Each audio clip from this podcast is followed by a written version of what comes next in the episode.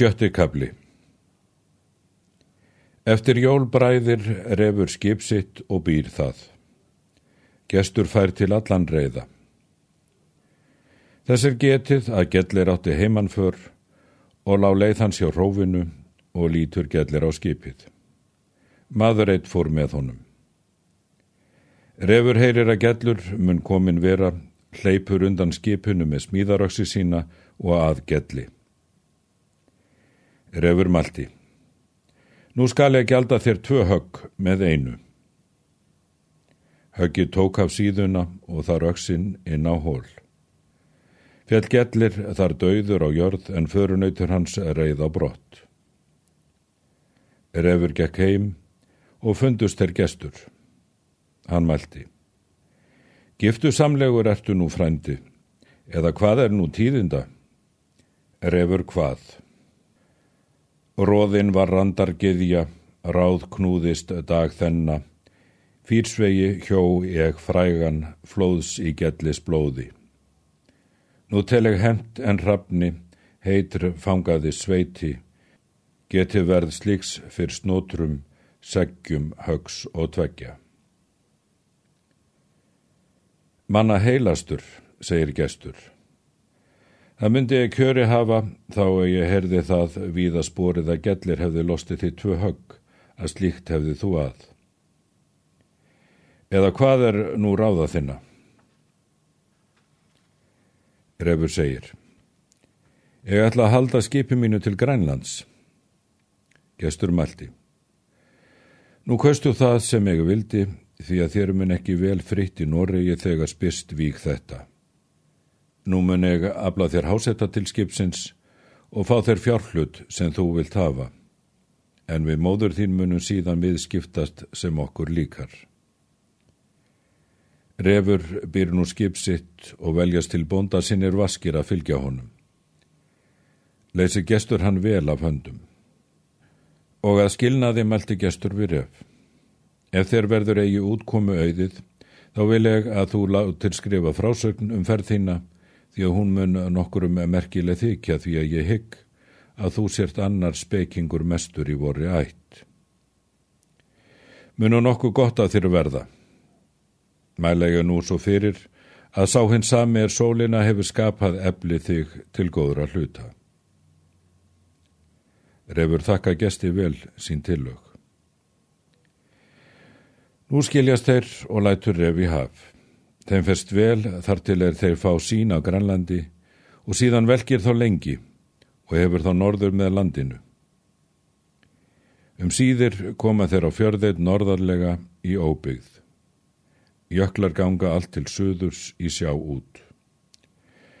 Og með því þeir voru hafveldir þá voru þeir landfúsir. Þeir lögðust um akkeri.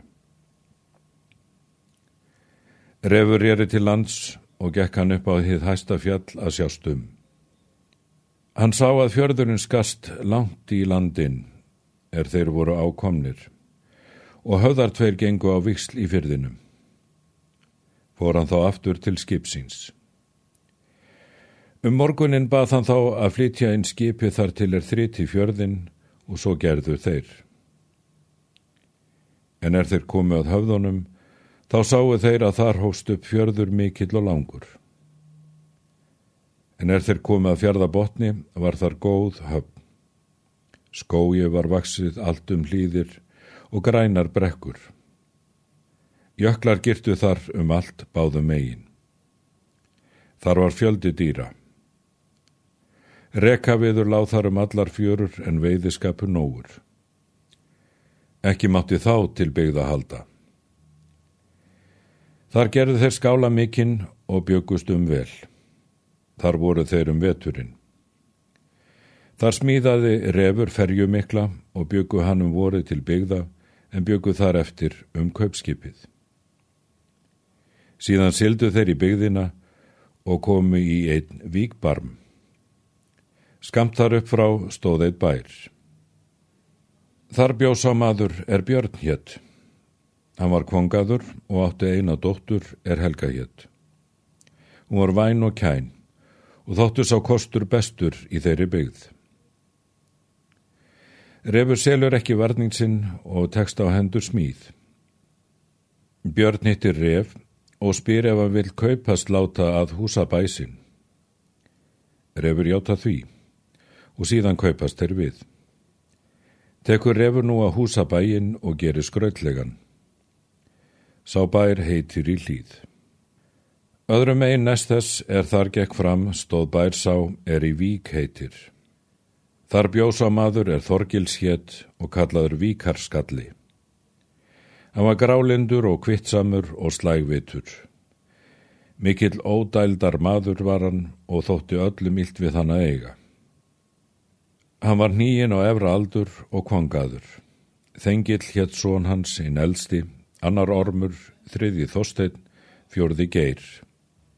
Ólöf hétt dóttir hans. Hún var gift þeim manni er Gunnar hétt. Þengill hafði beðið Helgu og vildi hún eigi eiga hann. Refur er nú með byrni og húsar bæ hans og þá beður hann Helgu. Björn tók því vel. Að ráði með honum var sá maður er Þormóður hétt. Hann var fóstri Helgu.